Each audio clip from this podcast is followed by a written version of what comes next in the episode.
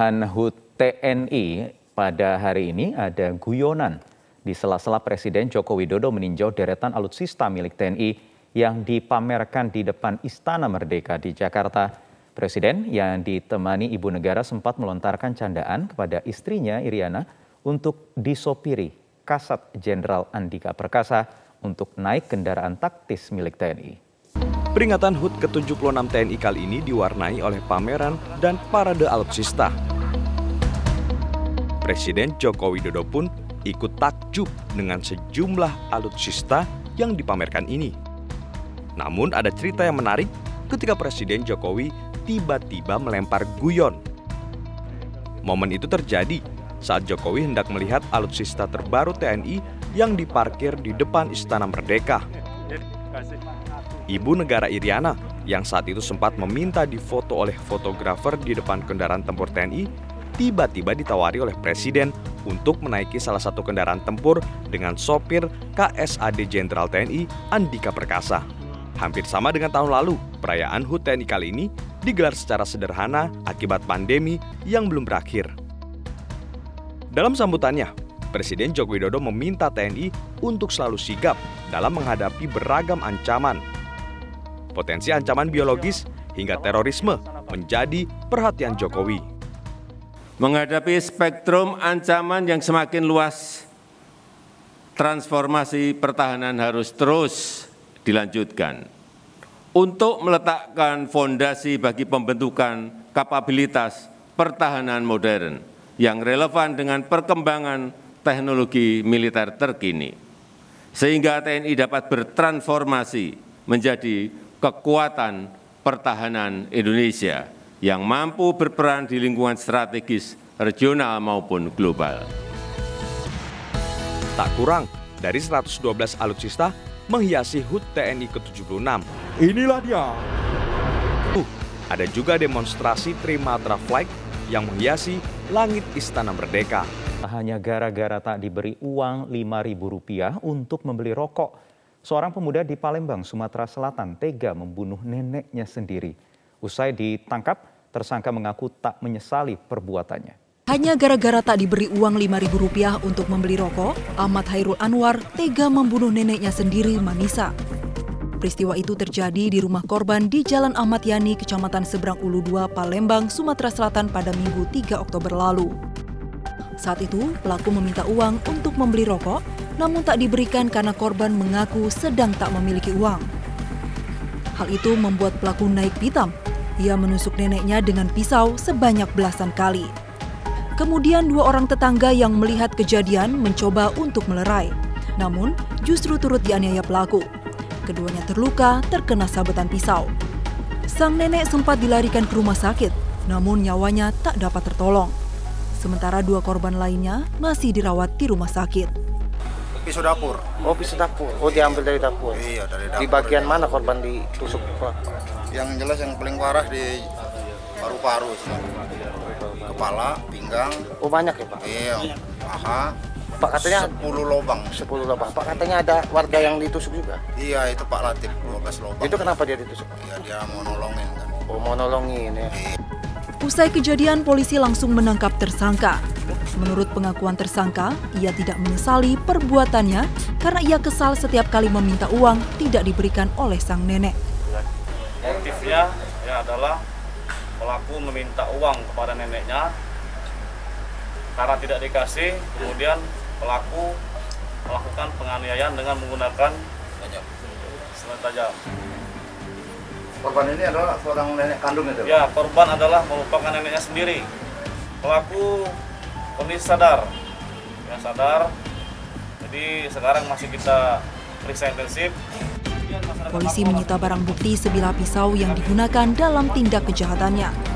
Atas perbuatannya, tersangka dikenakan pasal 340 KUHP dan pasal 351 KUHP dengan ancaman 20 tahun penjara. Pemirsa Wakil Gubernur DKI Jakarta Ahmad Riza Patria membantah isu Gubernur Jakarta Anies Baswedan telah meminta donasi kepada Michael Bloomberg. Menurut Wagub, surat tersebut merupakan surat ajakan untuk berpartisipasi dalam kampanye anti rokok. Wakil Gubernur DKI Jakarta Ahmad Riza Patria membenarkan bahwa pada tahun 2019 Gubernur Anies Baswedan telah menandatangani surat yang dikirimkan ke Yayasan Bloomberg untuk kampanye anti rokok. Namun Riza membantah bahwa surat tersebut berisi permohonan dana atau donasi, melainkan untuk menjadikan kota DKI Jakarta sebagai kota kolaborasi bersama dengan kota-kota sehat lainnya di dunia. sering memberi Nggak ada, ini justru komitmen kita ya sebagai kota kolaborasi ingin memastikan Jakarta bergabung dengan kota-kota dunia lainnya menjadi kota yang sehat ya, kota sehat dengan 50 kota lainnya ya. Nah, jadi sekali lagi merokok itu kan tidak sehat ya. Kami minta warga Jakarta untuk dapat hidup sehat, hidup bersih ya. Hindari konsumsi yang dapat mengakibatkan menurunnya atau mengakibatkan kesehatan menurun ya. Ya. Sebelumnya, surat yang ditulis Gubernur DKI Jakarta Anies Baswedan kepada Yayasan Filantropi Bloomberg viral di media sosial. Warganet pun menanggapi bermacam-macam, mulai dari Anies meminta jatah atas kampanye anti rokok hingga dikaitkan dengan Pilpres 2024. Dalam surat tersebut, Anies menyatakan Pemprov DKI Jakarta siap untuk melanjutkan kemitraan dengan Bloomberg dalam mewujudkan kota yang aman dari ancaman rokok. Berbagai kebijakan pembatasan rokok juga sudah dilakukan di antaranya menutup reklame dari iklan rokok dan menyembunyikan etalase rokok di minimarket. Kepala Dinas Sosial Kabupaten Gorontalo dicopot dari jabatannya sebagai buntut dari kemarahan Menteri Sosial Tri Risma hari ini terkait dengan data program Keluarga Harapan yang bermasalah. Sementara itu, Gubernur Gorontalo Rusli Habibi telah menerima permintaan maaf dari Mensos Risma dan meminta semua pihak untuk menghentikan polemik.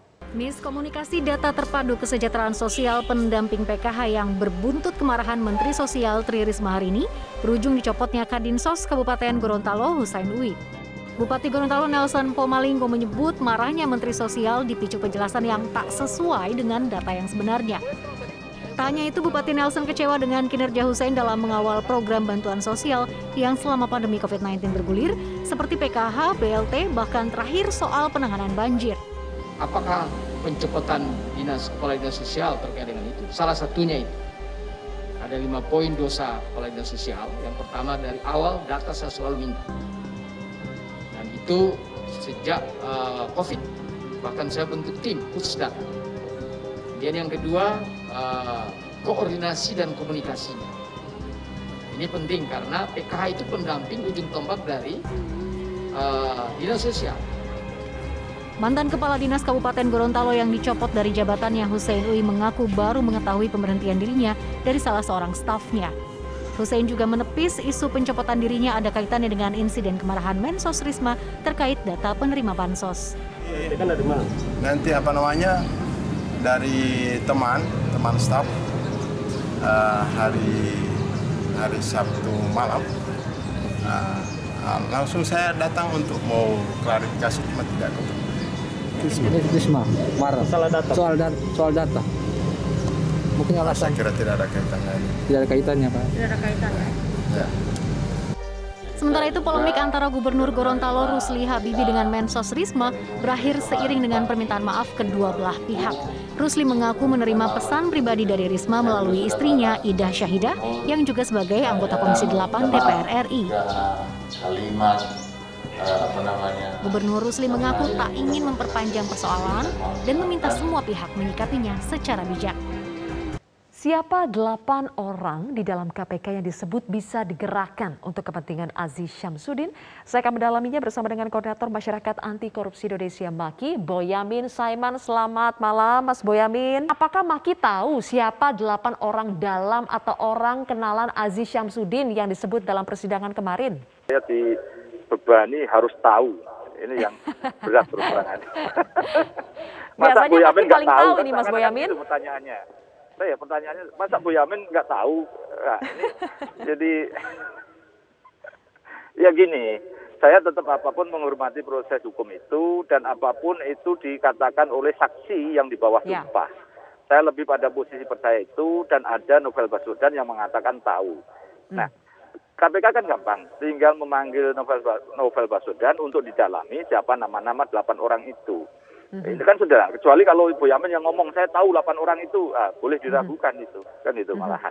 Kecuali nanti saya bisa jadi melakukan kontak, menemui Novel Baswedan, anu minta bertanya namanya siapa, nanti saya dalami dengan cara saya. Kan uh, sering saya melakukan itu gitu dan okay. nanti akan saya dalami dengan cara saya dan mengkonfirmasi itu dan kemudian melaporkan ke dewan pengawas gitu.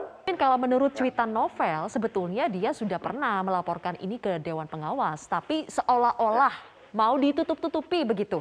Nah, apakah memang Anda mencium ada indikasi kalau ada laporan seperti ini dewan pengawas akan menutup-tutupinya? Dalam kasus ini tapi dalam konteks misalnya pernah saya melaporkan perkara di UNC, OTT yang dikatakan gagal itu, nyatanya malah justru yang dipersalahkan direktur PLT hmm. direktur pengaduan masyarakat Pak Afrizal. Padahal yang saya adukan jelas bukan itu gitu. Dan nampak kemudian Dewan Pengawas seperti melakukan sesuatu proses ini kayak berat hati gitu. Jadi hmm. berdasarkan pengalaman saya pernah terjadi seperti itu. Dan kalau hmm. sekarang pun itu saya tidak akan kemudian tidak kaget gitu, karena pernah ada proses itu dan kedua ini misalnya apalagi Novel Baswedan mengatakan tahu artinya ini kan okay. sudah rahasia umum di dalam. Oke, sejauh mana menurut Maki uh, fakta di persidangan kemarin soal delapan orang dalam kenalan Aziz ini yang bisa digerakkan untuk perkara-perkara itu harus didalami oleh pimpinan KPK ataupun Dewan Pengawas KPK? Ini bahasanya wajib ain, bukan hanya hmm. fardu kifayah. Hmm. Karena apa pun ini juga menurunkan derajat kepercayaan masyarakat kepada KPK. Karena okay. ini sudah terungkap di persidangan, maka wajib dan wajib ain, tidak hanya uh, wajib yang setengah-setengah ini. Mm-hmm. Karena apa? Mm-hmm. Seperti kemarin kasus bendera itu aja sampai yeah. uh, mantan satpam itu dipecat karena alasannya apa pun yang disampaikan keluar itu menurunkan kepercayaan masyarakat. Nah, yeah. ini sekarang jelas karena ini penegakan hukum bukan hanya soal sikap perilaku, kemarin itu kan dianggap membocorkan sesuatu ditambahin narasi yang itu hmm. tidak benar. Nah ini sekarang eh, penanganan perkara. Berarti ini lebih Mas Boyamin, KPK. kalau dari ya. kasus yang kemarin laporan Satpam adanya indikasi itu bendera HTI, berarti betul dong ada upaya dari dalam KPK yang seolah-olah kalau ada borok itu jangan sampai keluar. Ya ada upaya itu karena seakan-akan kalau borok keluar itu kan kemudian menurunkan kepercayaan atau hmm. ber, ada dampak negatifnya misalnya begitu sehingga hmm. ini berusaha ditutupi di lembaga mana pun akan selalu ber, uh, melakukan itu jangan sampai okay. aib itu bocor karena akan menjadikan membuka aib itu menjadikan derajat kepercayaan masyarakat semakin Baik. jelek. Nah itu berusaha okay. ditutupi. Oke, tapi Mas Boyamin, kalau dari uh, pernyataan kemarin dari kesaksian yang delapan orang dalam itu, apakah sebelumnya Maki juga pernah menemukan indikasi sebelum Stepanus Robin Patuju, apakah memang ada penyidik lain yang menjadi maklar kasus di KPK? Kalau dengar informasi pernah dengar, tapi sayangnya Bu Yamin ini belum bisa jadi detektif swasta yang sekedar bertanya aja sudah 50 persen atau pernyataan sudah 70 persen. Ini pernah dengar tapi belum okay. bisa mendalami karena memang ketertutupan itu. Dan terus terang aja sejak hmm. teman-teman itu 57 itu out dari KPK, maka hmm. semakin tertutup gitu. Sehingga hmm. menjadikan sulit untuk sesuatu yang bisa diakses sebagaimana saya pernah melakukan itu zaman dulu maupun di lembaga-lembaga lain karena masih banyak orang baik di dalam yang kemudian dengan hmm. sukarela memberikan informasi ke saya gitu. Jadi ini hmm. terus terang aja sedikit mendapat kendala kalau di KPK sekarang ini. Oke, seorang Maki saja, seorang Boyamin saja bisa susah sekarang mendapatkan informasi. Oke, Mas Boyamin. ya. Tapi, tapi kalau begini, menurut... uh, ya. Kenapa, Mas Boyamin? Sederhana nanti proses ini saya juga akan melaporkan resmi informasi ini ya. dan nanti untuk membukanya gampang. Saya gugat pra peradilan di pengadilan mau tidak mau terbuka juga gitu. Tapi okay. harus uh, prosesnya harus melalui proses hukum itu agak uh, agak melalui melingkar dulu lah. Tapi Baik. saya tetap akan mengawal itu dan membuka ini supaya ya harus dikawal memang Mas Boyamin. Saya ingin tahu Mas Boyamin, Ya. Sebetulnya apakah praktik pejabat atau politisi punya backingan di lembaga penegak hukum itu memang lumrah terjadi atau ini ngaku-ngaku saja atau bagaimana sih? Ini kura-kura dalam perahu gitu ya. Kan ini sudah praktek jamak, praktek umum gitu kan. Karena semua berproses yang menjadi apa orang menjadi uh, jangankan bicara backing gitu kan. Hmm. Uh, orang mau menjadi backing itu aja kan dengan sukarela. Jadi praktek okay. yang jamak sebenarnya persoalan ini sudah uh, sering terjadi Hmm. dan punya istilahnya itu anak asuh, bapak asuh itu ini kosakata yang sudah lama. Ya, ya. Sudah lama tapi praktiknya dibiarkan begitu saja kah Mas Boyamin mumpung ini ada momentum terkuak dalam persidangan KPK harus berbenah diri kah dari hal ini? Atau mungkin harus Ya, ada harus orang lain di atas KPK yang mengintervensi supaya lembaga ini benar-benar mau membuka mau berbenah diri tidak menutup-nutupi? Ya sebenarnya kan Dewan Pengawas itu niatnya kan dalam rangka itu. Dan sekarang perlu kita dorong karena Dewan Pengawas ini kadang-kadang saya juga jengkel juga mestinya Oke. mereka ini sudah sebagai dewa yang eh, bahasanya kenegarawannya tinggi tapi kadang-kadang terbentur suatu kompromi-kompromi gitu loh. Yang saya terus terang aja jengkel gitu. Tapi Oke, gini aja, baik. nanti proses itu gitu tetap akan saya kawal sekali lagi. Eh, nanti saya juga akan mencari data yang lebih komplit Baik. sebagai bentuk janji saya kepada Metro TV dan nanti akan saya ambil langkah untuk Oke, melaporkan. kita dan-